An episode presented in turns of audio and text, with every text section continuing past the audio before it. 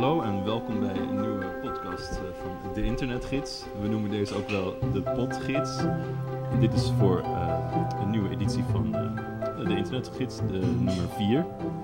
Uh, ons varia-nummer vlak voor de zomer. En ehm, ja, we zitten hier aan tafel met naast me uh, van Gol, Sarah Arnold en Tjert Postema zit ook aan tafel. mijn naam is Willem Sjoerd van Vliet. Um, deze Tjert Postema, daar gaan we zo naar luisteren. Uh, hij heeft een verhaal die heet Alles heeft een schoonheid, maar niet iedereen uh, ziet haar. Ja, ik moest even spieken. Uh, wat ja. krijgen we daarna? Ja, vervolgens krijgen we een gesprek tussen Willem Sjoerd en Adriaan van Veldhuizen over de verhouding tussen de historische roman en het non-fictie geschiedenisboek.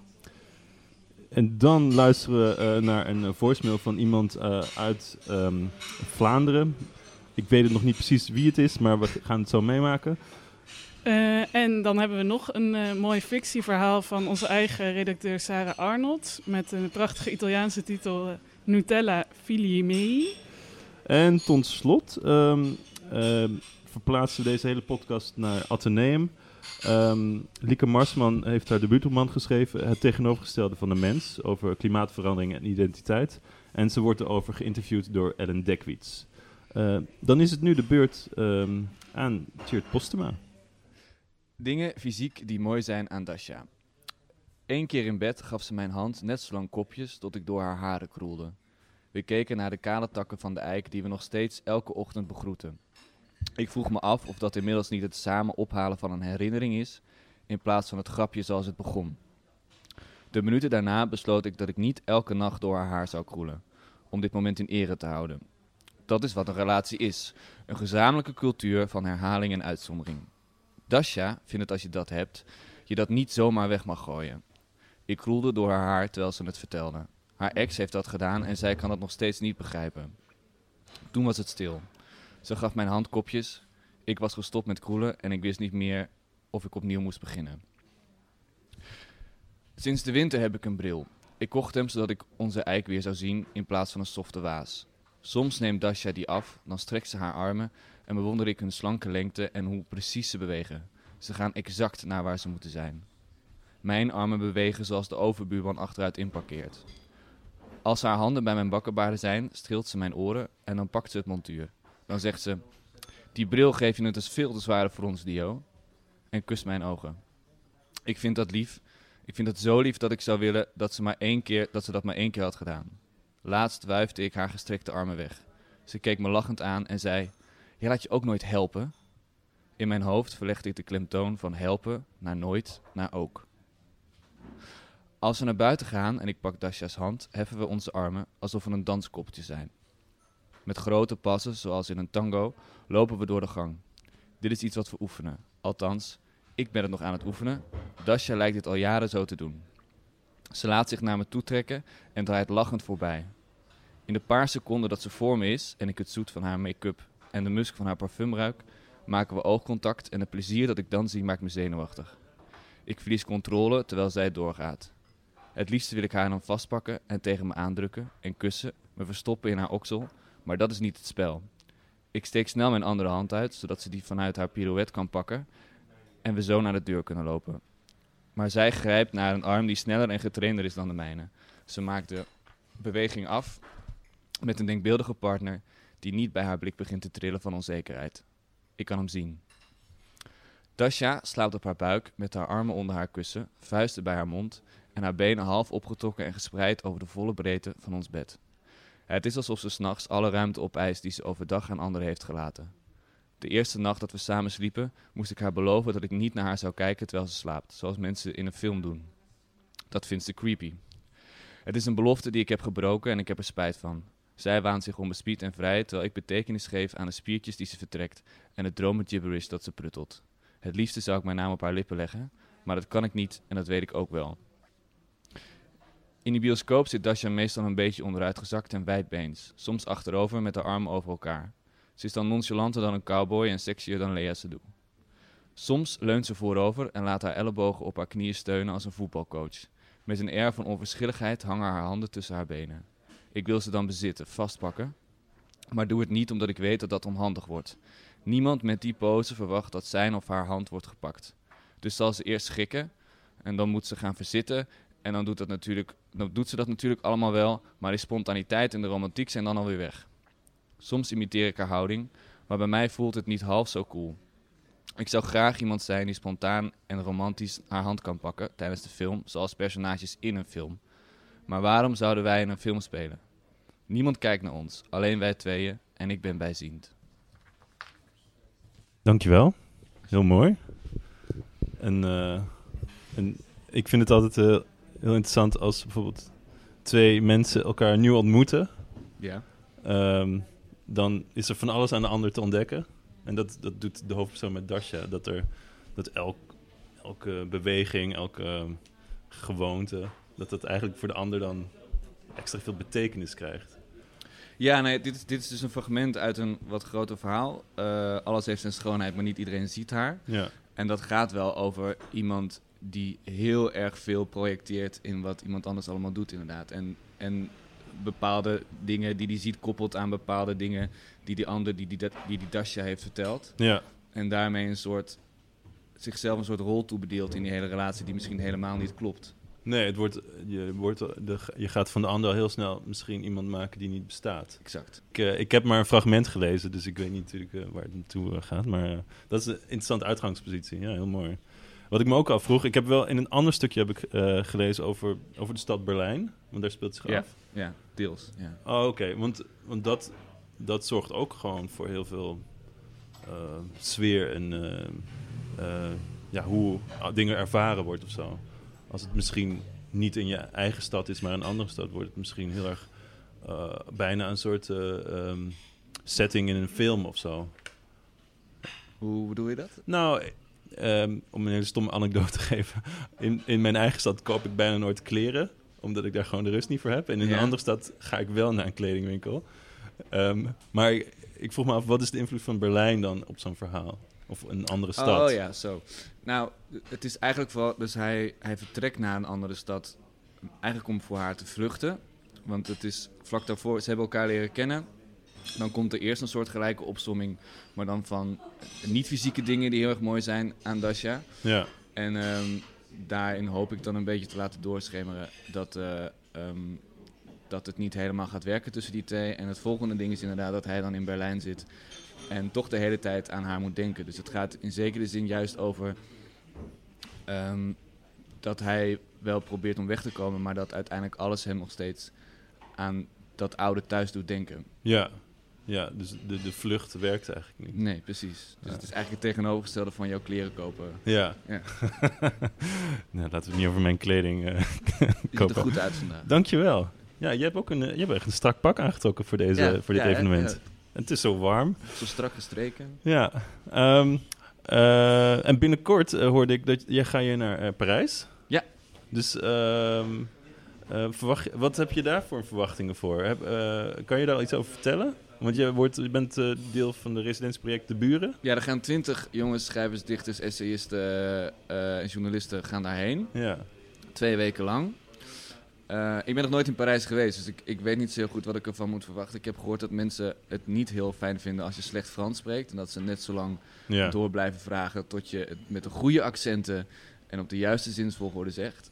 Dus daar ben ik bang voor. En daar wil ik eigenlijk ook iets over schrijven. Dus ik wil... Je mag daar twee teksten schrijven voor de buren. Eentje is een soort opdrachttekst. Ja.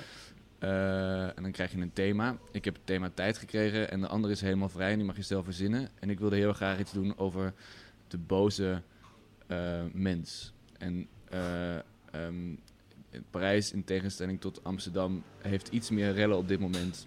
Ja. Dus dat vind ik dan erg interessant. En ook omdat die geschiedenis van barricades en eh, de Franse revolutie... en dat zijn eigenlijk allemaal boze burgers die het niet meer pikken. En ehm, ik hoorde dat er ook... Er zijn daar een soort van safaris door de krottenwijken en de buitenwijken. En dat lijkt me heel erg interessant als uitgangspunt voor een verhaal. Dus dat ehm, eh, er blijkbaar één iemand is die die mensen zo radicaal tot buitenstaande be- eh, eh, beoordeelt dat je zegt, nee, maar het zijn eigenlijk gewoon beesten en je kan er naar kijken. Ja, ja. En, en, en als je dan maar veilig in de, Ja. in, de, bus zit... Dan, Dan hoef je geen contact met niet- ze te maken. nee, Nee, nee. En dat maakt ze natuurlijk juist extra boos. Ja, dat gewoon, je dehumaniseert eh, gewoon Ja. alles wat je ziet ongeveer. Ehm nou, dankjewel. En ik, en ik vergat nog eigenlijk te zeggen eh, dat eh, jij natuurlijk ook vorig jaar een boek hebt eh, gepubliceerd bij het Bezig bij. ehm Stad van. Goud. Dat is bij Thomas Oh, Rap. Tho- Thomas Rap. Ja. ja. Stad van Goud bij Thomas Rap. Dankjewel.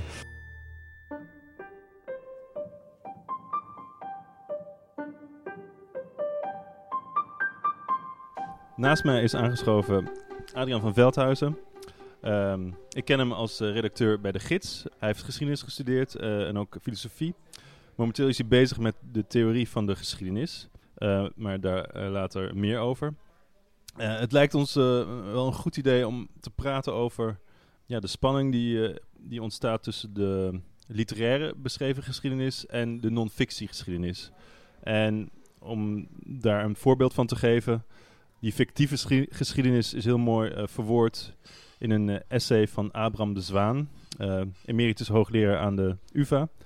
Eh, en ook een, een prominent oud-redactielid van de Gids. Ehm, dat essay staat in eh, de Groene Amsterdammer van ehm 11 mei. Het heet Postkoloniale Absences over ja, het Nederlands-Indisch verleden. En in diezelfde periode, met hetzelfde onderwerp, is ook ehm, de Libris Literatuurprijs uitgereikt aan Alfred Berny voor zijn eh, autobiografische roman De Tolk van Java. Ja, hoe zit het precies? Wat is die spanning? Wat, ehm, waar zullen we eens beginnen? Ja, dat is een goede vraag. Het is natuurlijk ook eh, het, is, het is op een bepaalde manier heel interessant altijd om te kijken naar, naar eh, de literatuur enerzijds en de geschiedenis anderzijds. Heel veel mensen denken dat er zijn twee, twee verschillende domeinen, maar volgens mij ja, is er toch behoorlijk wat eh, overlap. Dat is natuurlijk ook interessant, want, want als ik eh, aan de ene kant eh, als historicus aan de universiteit werk, maar aan de andere kant als redacteur bij de gids actief ben, kom ik die spanning eigenlijk in het dagelijks leven ook wel eens tegen. Ehm, en en misschien, misschien is dat ook wel iets waar, wa- waardoor dat mij zo interesseert. Ja, ja want jij, nogmaals, ik ken je van eh, literair tijdschrift De Gids. Eh, sinds wij, ehm, ehm, nou, hoeveel jaar is het nu? Misschien eh, vijf, zes jaar al bij eh, De Groene worden uitgegeven. eh, is er toch wel een soort ruk gemaakt naar de literaire kant. Terwijl in het verleden kan ik me hele lange, eh, prachtige essays van hoogleraren eh, herinneren. eh, eh, over weet ik, de oerknal of eh, over, eh, nou zoals dit, het koloniale verleden. Er, zijn hele mooie nummers van verschenen. En dat is nu eh, iets minder. Er wordt vaak een soort literaire invalshoek eh, ge- gekozen bij de gids. Eh, jij zit ook aan die, ehm, die tafel waar alle, alle thema's de revue passeren. Als een, als een geschiedkundige, hoe kijk je daar dan naar? Wat, wat doe je daar, waar je vragen? Ja, nou dat is op zich wel een hele goede vraag. En dat is ook een vraag die mijn, mijn collega's me regelmatig stellen. Eh, die, eh, die, die zeggen wel eens van ja, moet je niet gewoon je tijd besteden aan het schrijven van wetenschappelijke artikelen in plaats van dat je gaat zitten kijken naar eh, hoe mensen op literaire wijze op van alles en nog wat reflecteren. Nou is daar misschien wel iets voor te zeggen in, in, in een tijdperk waarin aan de universiteit zoveel mogelijk efficiëntie betracht moet worden en waarin iedereen moet zorgen dat hij de ene publicatie naar de andere eh, het eh, daglicht eh, ziet vers- laat zien verschijnen. Tegelijkertijd denk ik dat er, juist omdat er een soort samenhang is tussen, tussen die twee domeinen, ehm, dat het heel belangrijk is dat je af en toe ook probeert ja, beide, beide velden te bestuderen en, en, en, en beide velden actief te zijn. Ik denk, ik denk eigenlijk dat, dat, dat geschiedenis en, en literatuur niet zo heel erg veel van elkaar verschillen in heel veel opzichten. En dat, eh, ja, dat is, misschien, dat is misschien een gewaagde stelling voor, voor, voor.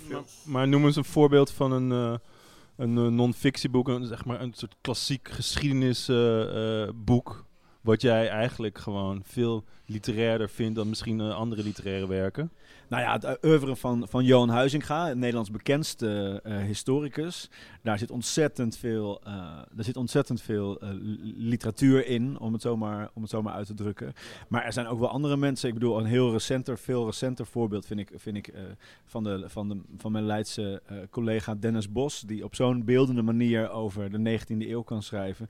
Dat, je echt, dat, je, dat, dat zijn page page-turners, dat soort boeken. Terwijl, ze, terwijl ze historisch gezien volledig verantwoord zijn. Dat is niet het probleem. Maar het zijn wel boeken die, eh, ja, die lezen wat mij betreft als literatuur. Dus de, de academische stoffigheid wordt, wordt door hele rake omschrijvingen... In, ja, ja. Ja, ja, zeker. Die, die wordt afgeschud. En, ik- en ik denk wel dat dat, dat, dat iets is waar, waar een goed geschiedenisboek zich eigenlijk idealiter ook in zou moeten onderscheiden. Omdat, omdat volgens mij is, is geschiedenis... Kijk, je had natuurlijk... Je hebt, in de, wetenschap is een moeilijk woord. Hè? In de zin van, het is makkelijk om te schrijven, maar moeilijk om te doen. Ehm, heel veel mensen denken van, ja, het gaat vooral om waarheid. En, en ik denk dat dat ook wel zo is. Eh, tegelijkertijd denk ik dat er een heleboel verschillende opvattingen zijn over wat waarheid zou kunnen zijn. En- Ja, en, en hoeveel vrijheid je permitteert in het, in het overbrengen van die waarheid. Ja, zeker. Eh, Maar ook, maar ook al de vraag van, van, van wat is nou precies wat je overbrengt als je waarheid overbrengt. Kijk, in de natuurwetenschap is dat vrij duidelijk. Hè, in de wiskunde is dat ook heel duidelijk. Dat is een gesloten systeem, dat is hartstikke mooi. Ehm, maar, maar eigenlijk vanaf de 19e eeuw werd ook steeds meer ehm, gedacht aan, aan literatuur en geschiedenis als waarheid. Maar ja, wat kan dat dan zijn? Hè? Dat, is, dat is toch vaak over interpretatie gaat dat. Dat gaat over, eh, over eh, vraagstukken die per, eh, per periode ook weer, eh, ook weer veranderen. Uh, dus dat is helemaal niet zo'n niet zo'n eenvoudige kwestie. En, en uiteindelijk is er een soort van door veel mensen geconcludeerd, nou die, die geesteswetenschappen en de kunsten en dat soort, dat soort um, terreinen, die hebben eigenlijk hun eigen soort waarheid. En ik denk daardoor dat dat ook zo is, dat, dat uh, geschiedenis en literatuur in zeker opzicht een soort gradueel verschil zijn ten opzichte van elkaar. Ja. Ze proberen allebei iets uit te drukken wat, wat een werkelijkheid weergeeft en wat waarachtig is. Um, en, en dat de lezer het gevoel geeft van hé, hey, dat is iets waar ik me aan um, kan, uh, kan spiegelen. Of dat is iets waar ik me mee kan identificeren. Ja.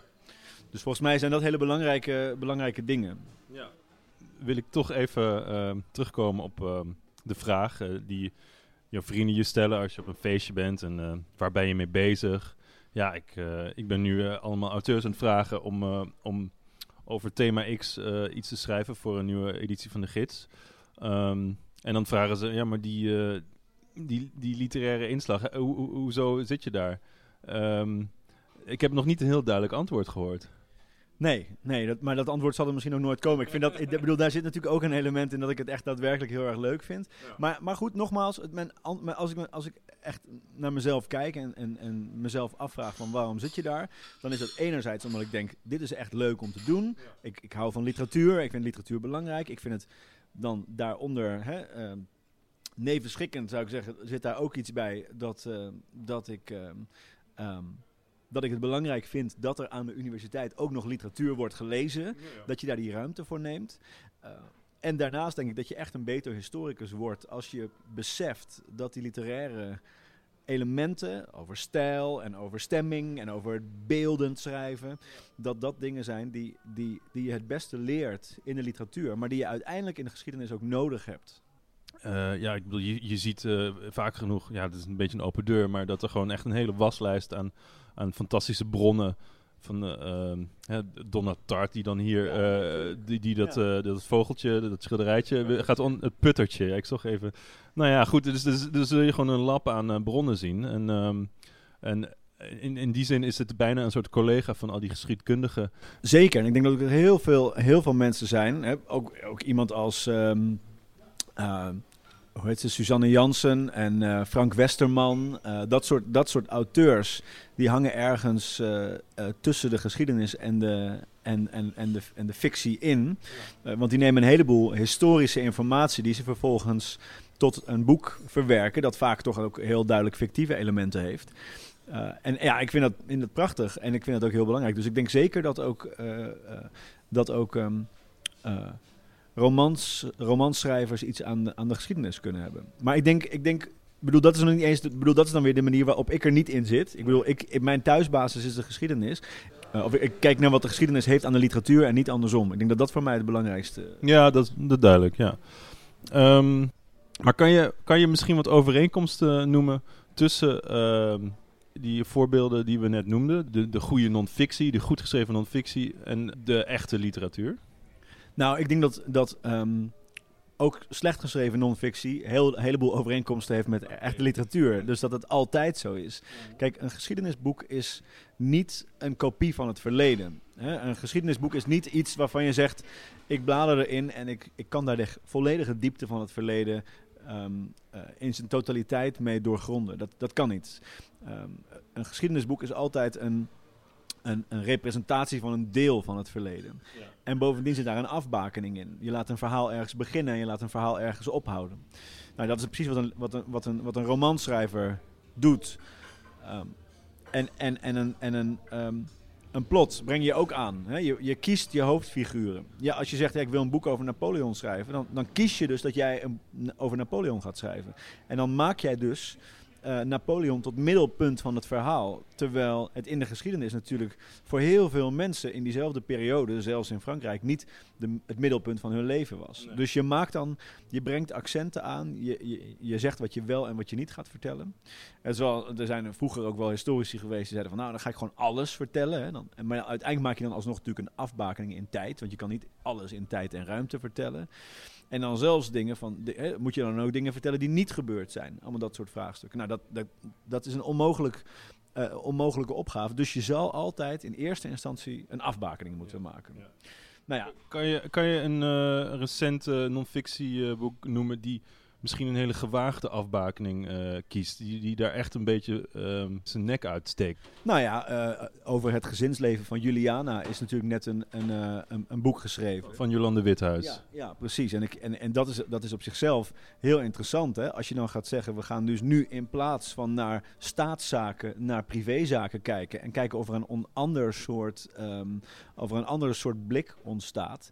Ja, dat is, dat is natuurlijk heel boeiend. En dan, en dan zeg je dus, ja, daar wordt een verhaal ehm, eh, gemaakt eigenlijk. Ik bedoel, want dat is natuurlijk interessant. Hè? De, de, er is een filosoof en die heeft gezegd, stories are not lived but told. Eh, verhalen worden niet geleefd, maar verteld. Ja. En, en eh, ja, hoe je het ook went of keert, ik vind het altijd een heel, heel onnuchterend eh, idee. Want, want de, de werkelijkheid is maar een enorme bak met, met toevalligheden en contingenties die, die zich, die zich als een grote brei aan, ons, aan ons voordoet en, en voorbij trekt. En wij moeten daar kleine puntjes uithalen en die met elkaar verbinden. Eh, en in dat verbinden, daar zit het werk van de historicus. En dat is net als bij een roman. eh, eh, ook daar zit in het verbinden van kleine brokjes werkelijkheid het, het werk. Ja. En, en ja, kijk, een, een, ehm, een romancier die zet er een paar... Je, moet het, je kent al dat connect the dots, hè? Eh, ver- Verbind de puntjes. Waar, je- waar je, en, dan, en dan komt er een, een boompje uit. Precies, eh, ja, als, als kleuter ongetwijfeld allebei heerlijk. ontzettend goed in waren. Nou ja, dat is eigenlijk wat je dus als historicus ook doet. Je hebt een heleboel van die puntjes. En jij be- bedenkt, dat, dat, eh, dat zijn de bronnen, dat zijn de feiten. Maar jij bedenkt met welke rode lijn jij al die dingen met elkaar gaat verbinden. Ja.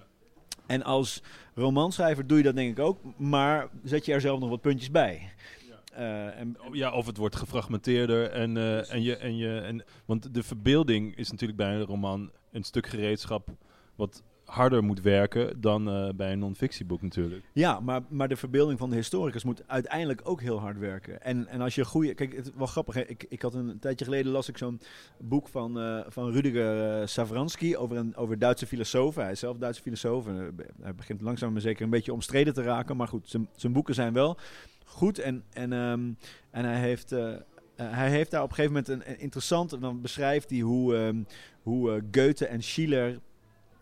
Op de vlucht slaan. En dan beschrijft hij onder andere hoe, hoe er een, een omgevallen boekenkistje ligt. En hoe er een, hoe er een, een, een, een pistool zonder vuursteentje daarin op, op, op hun wagen ligt. Nou ja, het, het lijkt me hoogst onwaarschijnlijk dat hij dat geweten heeft. Hè? Laat staan dat het omgevallen was. Uh, misschien heeft hij in een inboedel zoiets kunnen vinden, maar uh, dit wist hij niet. En maar, maar Ja, bij, door... bij dat soort details denk ik fantastisch. Ja. Maar het is ook fantastisch. Maar het is fantastisch. Het is, het is inderdaad, het is, ja, het is de fantasie. Maar tegelijkertijd helpt dat de historische lezer wel om een beeld te krijgen van hoe kan het er toen uitgezien hebben. Ja, een heleboel historici zouden zeggen, ja, dat is bullshit, want uh, dat, heb, dat weten we niet. Ja. Maar ja, ergens vind ik wel dat dat, dat dat mooi is. En tegelijkertijd, soms heb je ook dingen die je wel weet. Ik heb zelf voor een, voor een, voor, voor mijn eigen onderzoek uh, een heleboel documenten gelezen die andere mensen ook al hadden gelezen. Ging dan over, over congressen aan het, aan het einde van de 19e eeuw. Ja.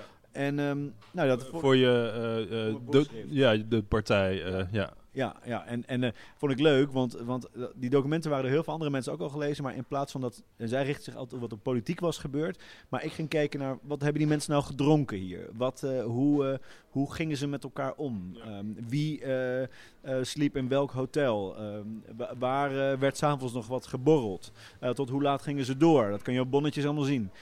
Eh, en, en op, Waar werden de beslissingen gemaakt? Precies, hoe zien de informele netwerken eruit ten opzichte van de formele netwerken? En op het moment dat je dat soort dingen gaat onderzoeken, ja, dan kun je de verbeeldingskracht natuurlijk ook veel beter een rol laten spelen. En dan kan je misschien, het hoeft niet alleen maar, maar dan kan je misschien een aanvulling geven eh, op historische verhalen die er al, die er al zijn, door ehm, ja, iets extra's te bieden wat, wat, wat meer leunt op de verbeeldingskracht. Special effects van de historicus. Ja, geweldig. Ja, nee, die moeten er ook zijn. Ja, die moeten er ook zijn. Die, die, die, die ontploffingen, maar dan ehm, in de vorm van een sigarenkistje eh, en een, eh, een vuursteentje die eh, ontbreekt. Ja, ja, ja. ja dat is, en, en, en, en dat is wel leuk. En ik denk dat dat heel erg hoort bij, de, bij, de, bij, bij het, bij het eh, zowel de geschiedschrijving als bij de literatuur. Het idee dat je, dat je die individualiteit, zowel van het, van het gebeurde als van de ervaring van degene die daarover leest, dat je die eh, als uitgangspunt maakt. Dat je die in elk geval respecteert. Dat je zegt, hé, hey, dat, is, dat, dat is inderdaad een individuele ervaring of emotie. Ehm, zowel van de, van de historische actor als van degene die daarover, eh, daarover leest. Dankjewel Adriaan voor dit gesprek.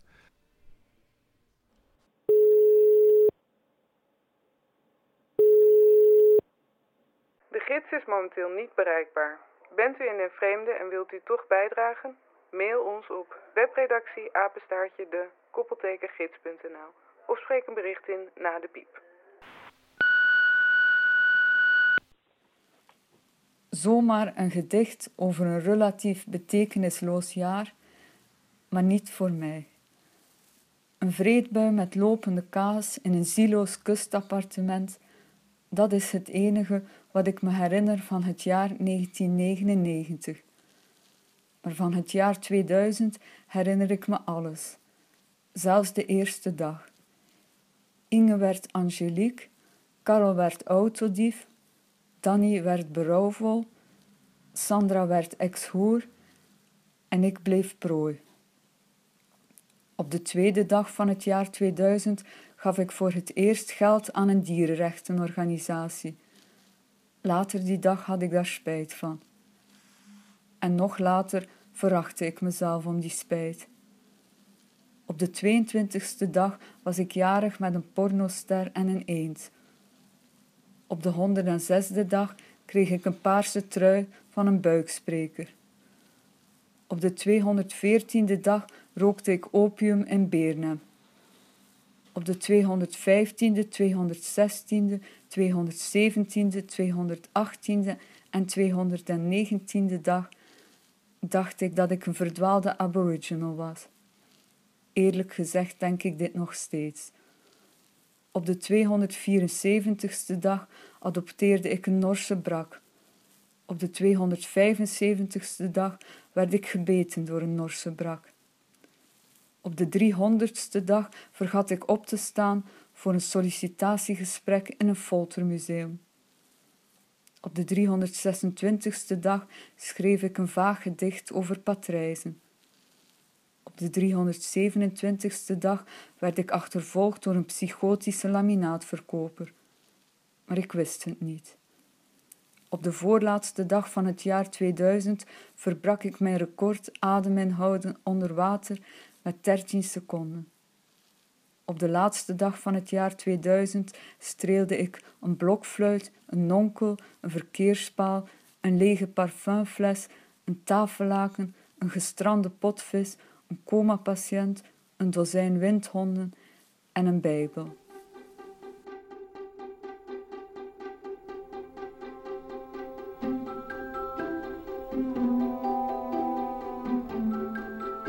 Luisteren naar een eh, gedicht van Delphine Lecomte, eh, Vlaamse dichter die al eerder eh, bij de internetgids eh, mooie gedichten heeft gepubliceerd. Ehm, dit gedicht staat in het huignummer. Het heet Zomaar een gedicht over een relatief betekenloos jaar, maar niet voor mij. Ehm, en dan gaan we nu verder luisteren naar het verhaal van Sarah Arnolds. Zij heeft ehm, een prachtig verhaal geschreven in de laatste editie van eh, de gids. Ehm, Nutella Vigi Mei. Maar over die uitspraak kunnen we het zo meteen nog hebben. Ehm, hier is Sarah Arnolds. Nutella, mijn zonen, en hoe het verder moet.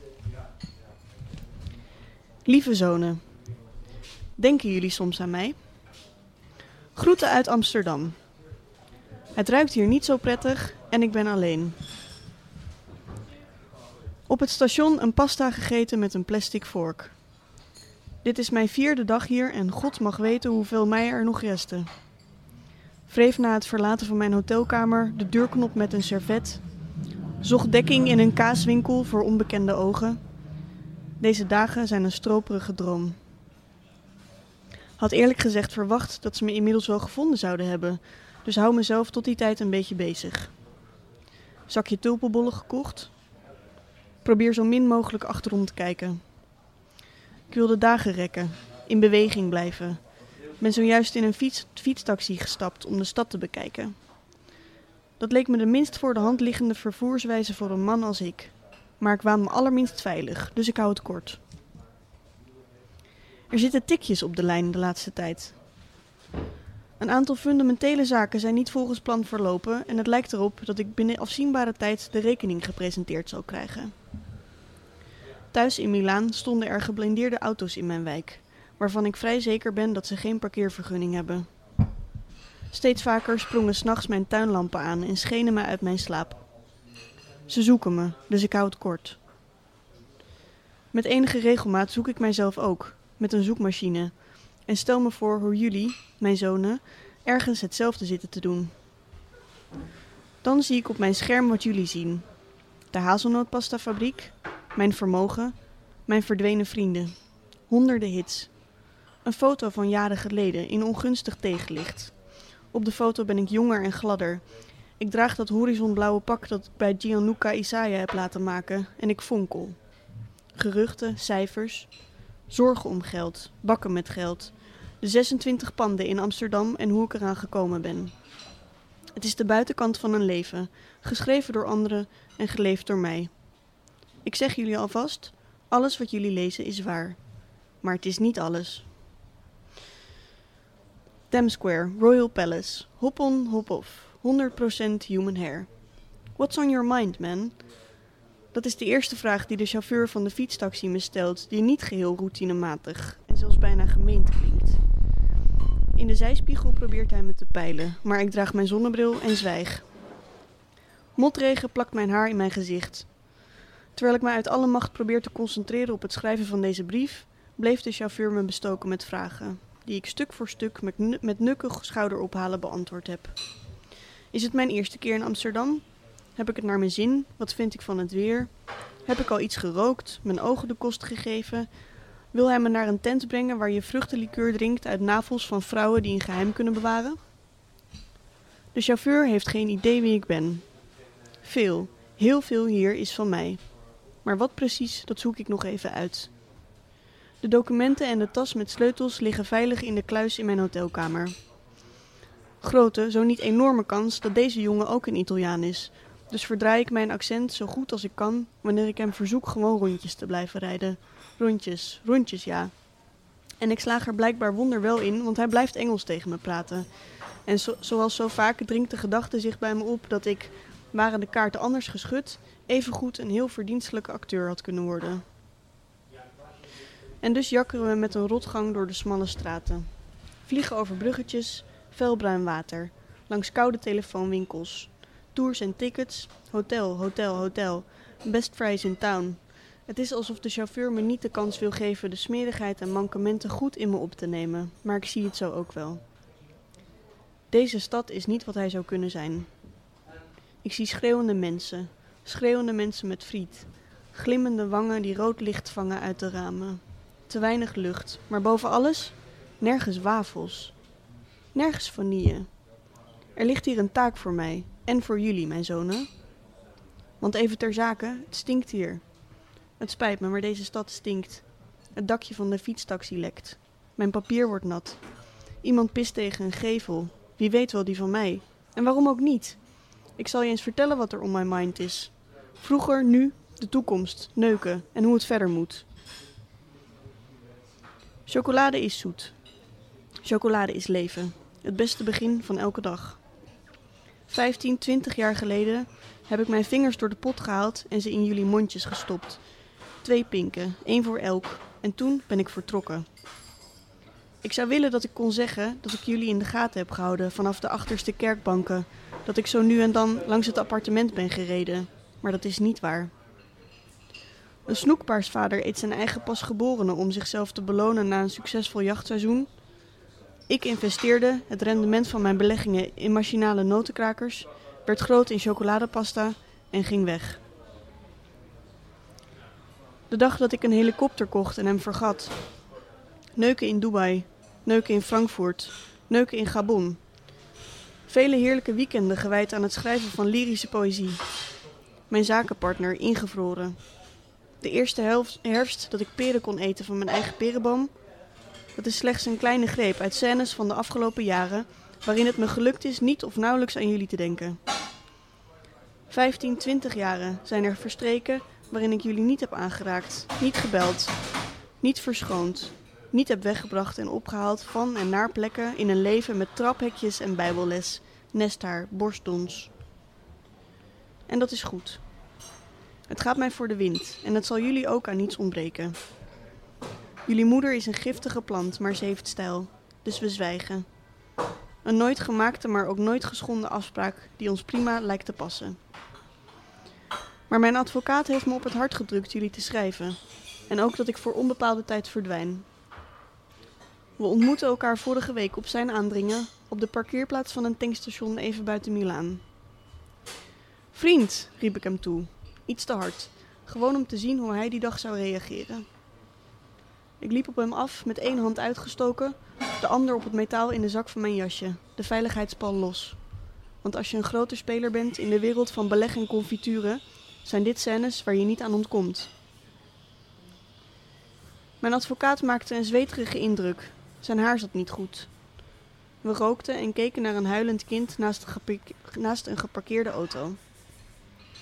Het kind had een knikker in zijn neus. Vader knielde en droeg het kind op om hard te blazen. Het wordt tijd dat je er even tussenuit gaat, zei mijn advocaat. En schrijf je zonen. Maar wat is er te schrijven? Wat is één brief op twintig jaar zonder? Wat laat ik jullie na? Zitten jullie op celloles? Jullie waren klein, zo klein. Jullie leken op elkaar en op alle andere pasgeborenen. Ik zag mezelf niet en ook niet jullie moeder. Ik zag een prototype tweeling waar niets op aan te merken viel. Zijn jullie nog maagd? Hebben jullie nu karakter? Is er iemand die jullie dingen leert? Het liefst had ik jullie voor altijd met rust gelaten, en dat zei ik mijn advocaat ook. Maar hij gaf me een vliegticket in een gesloten envelop en wilde dat ik wist dat hij het meende. Waar ga ik heen? vroeg ik. Amsterdam, zei hij. En schrijf je zonen alsjeblieft, voor het te laat is. Regel je zaken. Het was me niet onmiddellijk duidelijk of dit een aanbeveling was of een bedreiging, en het leek me beter om hem dit niet te vragen. Toen trok hij me plotseling tegen zich aan en hield me vast, heel lang vast. Onze monturen klapten tegen elkaar. Zijn oor lag koud tegen mijn wong, wang. Zijn oor lag koud tegen mijn wang. Ik rook zijn haar. Sigaret, beslapen bed, zijn parfum. Met zijn hand bevoelde hij verwoed mijn rug, alsof hij iets zocht onder mijn jasje. En toen besefte ik dat dit aaien was. Over zijn schouder zag ik hoe de knikker uit het kind viel. Vader wreef de knikker weer glanzend op de revers van zijn colbert en gaf de knikker terug aan het kind. Mijn advocaat ademde lang, heel lang uit. Ik wist niet alleen dat hij het meende, ik voelde het ook. Mijn chauffeur reed me naar het vliegveld en ik stapte op de eerste vlucht naar Amsterdam. Lieve zonen, probeer zo min mogelijk achterom te kijken. Laat geen jonge mannen met mooie verhalen bij het stoplicht je autoramen wassen. Neem geen brood aan van vreemden op straat. Leen geen grote bedragen aan vrienden, familie, buren, oude bekenden. Draag zo vaak als mogelijk voor uit eigen werk. Maak je bed op. Investeer in een duurzame sector die niet aan de grillen van de tijdgeest onderhevig is, zoals beleg en confituren. Weet wanneer je naar iemand moet luisteren, ook al hoor je het liefst jezelf. Dus bij deze, ik schrijf jullie vanuit een fietstaxi rijdend door een stad die me niet bevalt, maar waar ik door gunstig geschudde kaarten zoveel vastgoed ben komen te bezitten dat jullie na mijn dood kunnen stoppen met wat jullie aan het doen zijn. Wat jullie ook maar aan het doen zijn. En wellicht wat overbodig om dit punt te benadrukken, aangezien, als alles volgens mijn planning is verlopen, mijn advocaat jullie naast deze brief en de 26 sleutels ook mijn as heeft bezorgd. Maar laat ik er desondanks, en ook omdat het mijns inziens geen kwaad kan, mijzelf te doordringen van de eenmaligheid van dit alles, geen doekjes omwinden. Als jullie dit lezen, ben ik dood. Dus ik hou het kort. Google me zo nu en dan, zoals ik mezelf googelde. In de nacht, bij het licht van de maan, terwijl ik wachtte tot de zeevruchtenschotel die ik besteld had eindelijk zou arriveren. Nadat ik porno had gekeken van het soort dat me verdrietig maakt. Nadat ik, nadat ik ook de sloten van mijn dakramen had gecontroleerd. Nadat ik voor het eerst in 26 jaar een jointje had gedraaid. Nadat ik een knikker in mijn neus had gestopt en mezelf had opgedragen heel hard te blazen. Google me, zoals ik jullie google. Niet elke week, niet eens elke maand, maar vaak genoeg om me te herinneren hoe het voelde. En nu ben ik misselijk. Ik zoek naar een vast punt op de horizon. Dat helpt, schijnt. Kijken naar iets wat niet schommelt en tolt. Maar ik kan het niet vinden. Ik kan niet meer ademen en stinkt hier.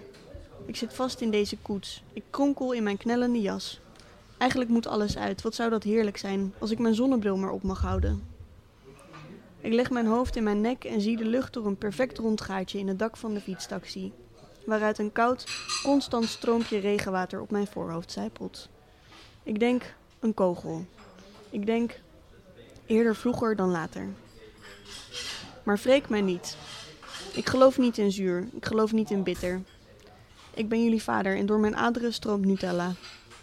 On my mind, alles, straks, later.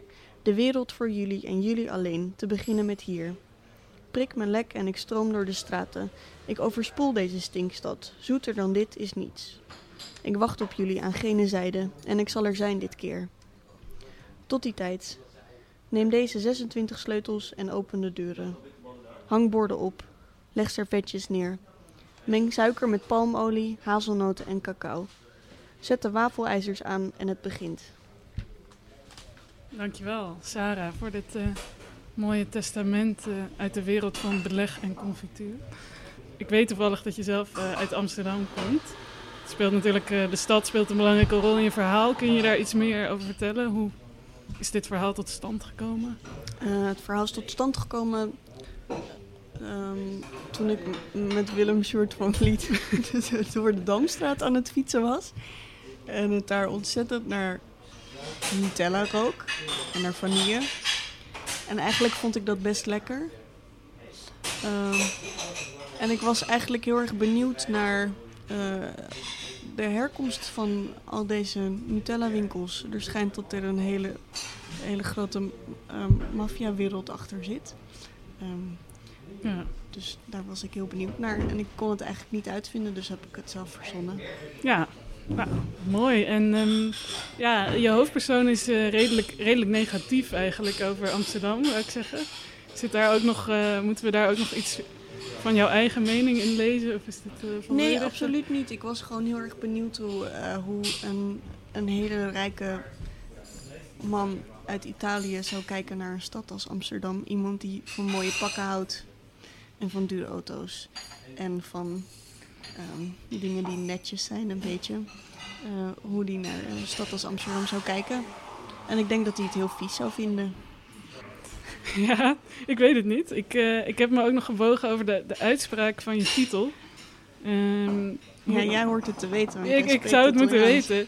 Ja, maar je hebt een, een uh, bijzonder moeilijke titel gekozen ja. vanwege de, ja, mijn zonen, Filimei, ja. de GL. Ik, ik heb me laten vertellen dat je dat uitspreekt fonetisch alsof er JLJ staat. Oké. Okay. Wil jij het proberen? Um, Filimei? Ja, ik ja. heb echt geen idee. Ik heb het gegoogeld translate eigenlijk. Oké, okay. ja. mooi. En zit er verder ook nog, uh, want je hebt het veel over googelen, zit er een kern van uh, historische waarheid in dit, dit Nutella-verhaal? Of is het volledig uh, deze, deze bos die jij hier beschrijft? Ehm, ik ben uh, op Google Street View gaan zoeken naar een mooie plek voor het kantoor van hem. En dat heb ik gevonden. Dus de straat die ik... In Milaan. In Milaan. Ja. Die ik... Uh, de straatnaam die ik ook niet goed kon uitspreken. Dat is een echte straat waar een gebouw staat waarvan ik me kan voorstellen dat hij daar zijn kantoor heeft. Uh, en dus een pakkenmaker bestaat ook echt. Verder is het volgens mij niet zoals het echt is. Oké, duidelijk. Ja.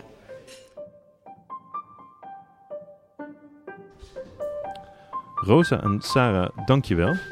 Dan gaan we nu de podcast verplaatsen naar uh, Atheneum uh, aan het Spui. Uh, voor een gesprek tussen Ellen Dekwits en Lieke Marsman. En daar gaan we nu naar luisteren. Hallo allemaal, wat fijn dat jullie er allemaal bij zijn. Bedankt voor die belangstelling alvast en dat jullie bij voorbaat niet weglopen. Nou, we zitten hier een avond lang om allemaal dingen van Lieke Marsman te weten te komen over haar werkproces, over haar nieuwe fantastische boek. Um, je bent net vers uh, gedebuteerd met een, uh, nee, ik vind het een heel fijn boek. Even het testje hier, wie heeft hem allemaal al gelezen? Oh, hallo, nou dus dan... Uh, kom, nou, dan weet iedereen eigenlijk al wat erin staat. Dan kunnen we ook meteen ja, ophouden. Even uh, de eerste vraag. Hè. Um, het boek is qua vorm natuurlijk best wel experimenteel. In de zin dat het een compendium is van essays, van een verhaallijn, van gedichten, van vertaalde gedichten, van uiteenzettingen over zowel Jodie Mitchell als over hoe het is om een komkommer te zijn. Um, hoe komt zo'n boek tot stand? Hoe, ben je, hoe, hoe is het begonnen? Hoe zagen je eerste versies eruit? Um, nou, ik wist wel al van begin af aan dat ik een soort mix wilde schrijven. Of dat ik, ik, keek gewoon naar, nou, wat schrijf ik doorgaans? Ik schrijf sowieso gedichten. Uh, ik was langzaamaan wat meer essay-achtige dingen gaan schrijven. En ik had altijd in mijn hoofd, als ik afgestudeerd ben, dan heb ik tijd. Dus dan ga ik misschien ook proza schrijven. Dat laatste viel best wel tegen. Tenminste, mijn eerste versies bestonden vooral uit proza. Wat, nou ja, gewoon heel slecht was. Wat, wat voor verhaal had je dan? Wat, wat voor soort pro... Nou, ik had wel altijd in gedachten dat, eh, zeg maar, ik had een soort beeld van, ik wil iets met een stuwdam, want ik stuwdammen gewoon hele indrukwekkende bouwwerken. En ik hou heel erg van de bergen en die heb bergen nodig voor een stuwdam. Dus dat was, um, dat zat allemaal goed. En, um, en, en, maar goed, dan ging ik daarover schrijven en toen merkte ik dat dat eigenlijk best wel lastig was. Dat daar zit niet meteen een verhaal in. Um, en ik had ook wel voor, voor de geest dat er dan iets met die stuwdam moest gebeuren. En eigenlijk pas toen ik um, me in klimaatveranderingen ging verdiepen, vielen er wat dingen, kwamen er wat lijntjes samen. En dacht ik, oh, dat kan ook heel goed een symbool zijn voor uh, van alles. En nou ja, mijn eerste versies bestonden dus met name uit nou ja, de gedichten die uiteindelijk ook in het boek terecht zijn gekomen um, opzetjes voor essays en slecht proza. Wat ik mij ook afvroeg, hè, want uh, uh, nou, iedereen hier aanwezig weet natuurlijk dat Lieke ook een fantastisch dichteres is. Je dicht al vanaf je 14, je vanaf je 12 met bijhouden van dagboeken. Vanaf je 14e ja, poëzie. Zoiets. Ja, ja. Uh, verschilt die werkwijze? Um, je bedoelt, is het. Of, hoe, hoe, hoe, maak je een gedicht versus hoe maak je een stuk proza? Um, dat is wel heel anders. Voor een gedicht heb je, het is een veel kleiner idee. Dus je hebt een, qua werkwijze een veel kleinere spanningsboog. Het namelijk gewoon, je hebt een idee, je gaat zitten, je schrijft het gedicht. En daarna ga je er misschien nog wat aan schapen. Oh, dat vind ik leuk. Het is altijd conceptgedreven, je poëzie. Ja. Ja, oké. omdat je sommige dichters hebt, hè, zoals Maarten van der Graaf, die vertrouwt eigenlijk op automatisch schrijven. Sommige dichters vertrekken juist vanuit één zin oh ja, dat doe ik ook. Maar dat, die ene zin kan dan het concept zijn. Oké, oké. Dat, dus ik heb of ik heb een idee van, oh, ik wil daar iets over schrijven. Of ik heb dan één zin of één woord wat ik mooi vind. Of een gedachte. En daar begin ik dan uit. En dan, dat, die spanningsboog moet dan wel ook binnen een paar uur voltooid zijn. En dan ga ik daarna schaven. Maar dit, is, dit was een proces van, nou, twee jaar. Uh, en dat vond ik heel lastig om die spanningsboog er in te... Je, je, aandacht ook ervoor? Nou, nee, ik had wel altijd... Maar dat is meer dan... Oh, dan ga je op één pagina heel erg in de details zitten... en dan verlies je het verhaal uit het oog. Dus dat vond ik lastiger. Maar pas, eigenlijk pas de laatste paar maanden... toen ik het hele boek als één groot gedicht ben gaan zien... Okay. En het dus ook als een gedicht ben gaan nou ja, componeren. Toen pas voelde ik dat ik echt de controle had over wat ik nou precies wilde zeggen. Dus uiteindelijk heb ik het hele boek eigenlijk als één enorm gedicht benaderd. En dat was, dat, dat was heel leuk. Dat gaf je ook het zelfvertrouwen om er echt ja. rigoureuze ingrepen ja, te precies. Doen. Toen kon, dan, op dat moment kon ik pas zien van, oh, dit hoofdstukje dat moet eruit. Of hier moet nog een hoofdstuk in. Of uh, dit moet nu naar het tweede deel. Of weet je, toen kon ik pas gaan. Ja, toen kreeg ik pas daar het gevoel. Net zoals je, als je bij een gedicht soms hebt van, oh, deze derde regel die moet eruit. Of, dat, dat of hier moet, nou ja, er moet een climax aan het eind. En ergens halverwege moet iets gebeuren. Weet je, dat, dat is ook heel gevoelsmatig. Wat leuk, want, want um, toen ik je boek las, deed het me niet alleen aan Binet denken, maar ook aan twee andere boeken waarin proza, autobiografie, in dit geval is het niet autobiografisch, dat weet ik van jouw boek, maar in, die, in het geval van die boeken wel, proza, levensverhaal en essayistiek met elkaar werden vermengd, namelijk I Love Dick. Van oh Chris ja. Kraus. Wie, wie, heeft het gelezen? I Love Dick. Oké, gezellig. Allemaal Dick-lovers. En uh, De Argonauten van Maggie Nelson. Ja, dus echt die mix tussen, tussen twee. Dat, dat waren dus niet directe invloedsbronnen. Um, nou ja en nee. Ik, was, ik, ik, heb die twee boeken wel allebei gelezen. En ik vond, wat ik fijn vond aan die boeken was dat het heel bevrijdend werkte. Dat ik toen ik die boeken las dacht... Oh ja, zie je wel, je hoeft helemaal niet een traditioneel plot te hebben. En je kunt gewoon van alles... Uh, nou ja, gewoon doen, doen wat je wil. En daarbij, dus zeg maar zeker die mix tussen fictie en non-fictie... heb ik wel heel erg, uh, heb ik heel erg veel aan die boeken gehad. Wat ik, zeg maar, die boeken bevatten allebei niet echt poëzie. Dus ik moest wel weer zoeken naar van... oké, hoe kan ik er dan ook nog poëzie insmokkelen? um, ja, dus, maar die boeken hebben wel, hadden wel een soort bevrijdende werking. Dat ik ook het aandurfde of zo... om zo'n soort gek boek te maken het leuke van dit boek is, het, uh, het, het, het is eigenlijk gestoeld op drie pijlers. Hè? Klimaatverandering, liefde en eenzaamheid. Maar er zitten zoveel fantastische kleine details nog in. Je haalt zoveel dingen aan waar ik het eigenlijk nog de komende 24 uur met je over wil hebben. Maar die 24 uur stoppen we in de komende 30 minuten nog. Zou je dit stuk willen ja. voorlezen wat hartje bij staat? Rond mijn elfde raakte ik geobsedeerd door spullen. Spullen, zo wist ik, zeggen nooit iets gemeens. Dat ze ook nooit iets aardigs of grappigs zeiden, nam ik maar voor lief. En dus verzamelde ik van alles. Theelepeltjes, vulpennen, melkkuipjes, knikkers. Aan komkommers dacht ik niet meer, maar soms stelde ik me voor dat ik een tafel was. Daar hoefde ik geen moeite voor te doen. Ik voelde me log en onbewegelijk als een zware eikenhouten eettafel, zo een die onze gereformeerde buren in de woonkamer hadden staan. Op zondagochtend verzamelde de hele familie zich op de stoep voor het huis. Vanuit mijn slaapkamerraam kon ik ze goed bestuderen. Ze zagen er plechtig uit met hun zwarte hoeden en lange rokken. Voor het keukenraam hing, hingen witte kanten gordijnen. Ik beelde me in wat deze mensen zagen als ze me zagen wanneer ik door de straten liep. Een reusachtige tafel op wieltjes, dacht ik. Langzaam rolde ik voorbij. Misschien lag er wel een gehaakt kleedje op me. Een kleedje dat kriebelde op mijn rug. Dankjewel. Um, voor degenen die het boek niet hebben gelezen en denken, waar heeft ze het nou over komkommers over? Uh, de roman opent, uh, nou de roman opent eigenlijk met een gedicht, maar opent met de stelling van hoe het zou zijn om een komkommer te zijn. En uh, verderop heb je het ook nog in je boek over um, hoe een lief stukje mozzarella gewillig het zand induikt en dergelijke. En wat ik het leuke vind aan je boek is dat er een ontzettende compassie is met levensloze voorwerpen. Ja. Maar hoe kom je daarop? Ja, nou, het is heel grappig, want de mensen, zeg maar, de mensen die mijn boek hebben gelezen, zijn er een soort van twee categorieën. Je hebt de categorie die denkt van, ja, ik vond het wel grappig, maar ik kon me er echt helemaal niks bij voorstellen. En misschien dat jij daar in die categorie valt. En, uh, en, en ook mensen die zeiden, oh ja, ik snap dat zo goed, dat je in bed ligt als kind en, en je dus inbeeldt dat je een komkommer be uh, bent. Die her herkenden dat heel erg, die hadden dat zelf ook uh, gedaan. Um, dus dat is denk ik iets wat, ja...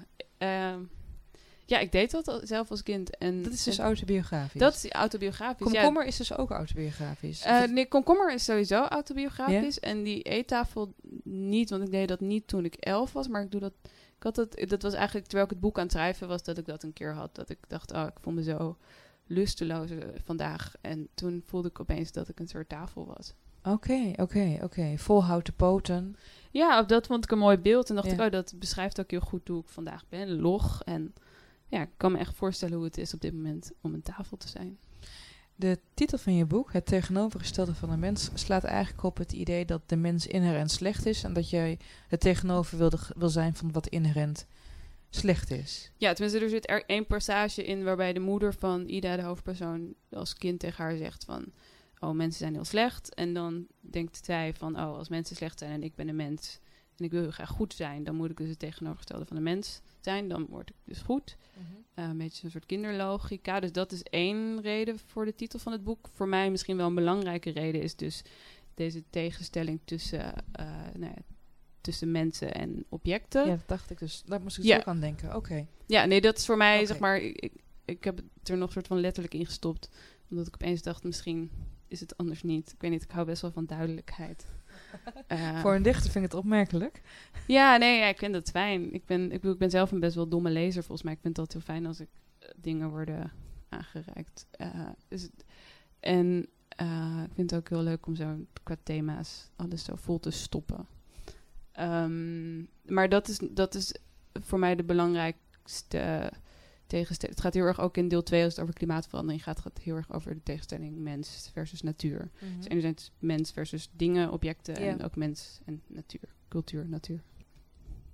Oké, okay, goed. Um, over, uh, nog een beetje over het klimaat. Uh, ik wil je vragen om het volgende fragment voor te lezen. Het begint hier en het eindigt hier. Ja. Oh ja, gaat over iets op televisie. Jonge mensen hebben geen normen en waarden meer, zegt een wat oudere vrouw tegen een jongen van een jaar of twintig. Ze is erbij gaan staan en kijkt verontwaardigd. Het programma gaat over de vraag of er een manier is meer jongeren naar de stembus te krijgen. De camera zoomt in op de jongen die een te grote pet draagt en zichtbaar naar woorden zoekt. Ze zijn apathisch en cynisch, vervolgt de vrouw buiten beeld. Zou ze er wel eens bij stil hebben gestaan dat apathie ook het gevolg van het wel hebben van waarde zou kunnen zijn? Mijn apathie is een gevolg van hoe de generatie van mijn ouders de wereld achterlaat. Mijn cynisme een uiting van verslagenheid. Ik gebruik cynische grapjes om me staande te houden in een wereld waar ik niet voor gekozen heb, nooit voor zou kiezen, maar waar ik geen weg uitzie. Want wat we de generatie voor ons ook kwalijk nemen, haar leiders hebben het verdomde goed geregeld. Een systeem bedacht dat zo goed in elkaar zit dat het zijn tegenstanders al bij voorbaat uitschakelt door iedere vorm van tegenspraak als luxe product te klasseren. Wie tijd heeft om te protesteren, werkt niet hard genoeg. Wie werkloos is, is lui. Nog even en wie honger heeft, zal schuldig zijn. Wordt hier jouw mening ook in re gereflecteerd? Uh, dit is wel ongeveer één op één mijn mening. Oei, weten je ouders dat? Oh ja, maar daarom heb ik wel, uh, want er staat wel heel bewust, uh, want wat we de generatie voor ons ook kwalijk nemen, haar leiders hebben het verdomde goed geregeld. Dus ik neem ik, ik, neem de babyboom-generatie verder niet zo heel veel kwalijk, maar ze hebben wel een paar domme leiders uh, naar voren geschoven. en uh, je, hoe, ik, weet, ik weet van jouw ouders, het is natuurlijk een klein wereld. Ik zit ook met Lieke's vader op Facebook. Uh, ja. Vader is Neerlandicus. heeft hij bij mijn moeder in de klas gezeten? Of zat hij één klas boven? Nee, er was wel ook iets, ook iets, dat ze met elkaar op school hebben gezeten. Ja. Ja, ja, we denken dat ze het een tijd met elkaar hebben gedaan. Dat ze er zo mysterieus over zijn. Maar los van hun escapades. Je, je vader is natuurlijk echt gewoon ongeveer radioactief van trots, nou, of niet? Ja, hij vindt het fantastisch, ja. Ja? Maar hij heeft natuurlijk de, uh, de proef al gelezen voor ja. het boek uitkwam. Ja, hij is ook tevreden over het boek. Ook over dit soort statements? Uh, ja, nee, hij, hij zei... Um, wat was een commentaar weer? Oh ja, hij had het in, in één uh, dag uitgelezen. En dat was een heel goed teken, want hij leest heel langzaam normaal gesproken. -huh. Hij was heel... Op een gegeven moment er komt een paar keer... Um, in één essay komt een vader voor. En dat is ook wel op hem... Uh, gebaseerd. Over, dat gaat... de, over dat lesbiennes geen dildo's mogen ja, gebruiken. dat is, uh, is dat, dat, echt, dat is echt iets wat mijn vader heel leuk vindt om te zeggen. Oké, okay, maar uh, voor de mensen die het boek dus nog niet hebben gelezen, op een gegeven moment is er een stuk dat gaat ja, over het feit dat je jezelf wat niet, niet homoseksueel mag noemen als vrouw als je het graag met een dildo doet. Nee, hij zegt zijn, zijn, uh, zijn visie of zijn idee over lesbisch zijn is dat, dat het wel echt prima is natuurlijk, maar dat hij het wel heel raar vindt als, als lesbiennes dan een dildo gebruiken. Want dat, dat zou, dan kun je net zo goed een echte uh, penis nemen. Dus, um, en dat vond ik zo, zo idioot. Um, dat ik het heel leuk vond om dat in een essay te verwerken. En dat vond hij vervolgens weer heel leuk. Dat, oh, toch wel? Ja, hij voelde zich niet betrapt? Nee, of, hij was, daar was hij ook en buitengewoon ja. trots op. Oh shit. Oké. dus dat is allemaal... En ik geloof ook wel dat, dat hij nu, dat vind ik grap, hij is wel nu bijgedraaid. Volgens mij vindt hij het nu wel oké als lesbienne seks hebben met. En daarmee zijn we aan het einde gekomen van deze potgids. Ehm, ik wil alle mensen hier aan tafel bedanken. Rosa van Gol, Sarah Arnolds, Tjeerd Postuma. Ehm, en natuurlijk ook het gesprek met uh, Adriaan van Veldhuizen. Dankjewel Adriaan. Daan Stoffelsen van Atheneum Boekhandel. Dankjewel. En uh, natuurlijk hier ehm, de mensen van Pels die ons altijd gastvrij hier achter in het café neerzetten aan de mooie ronde tafel. En tot slot het Letterfonds. Dankjewel voor het ondersteunen van de internetgids. Tot een volgende keer.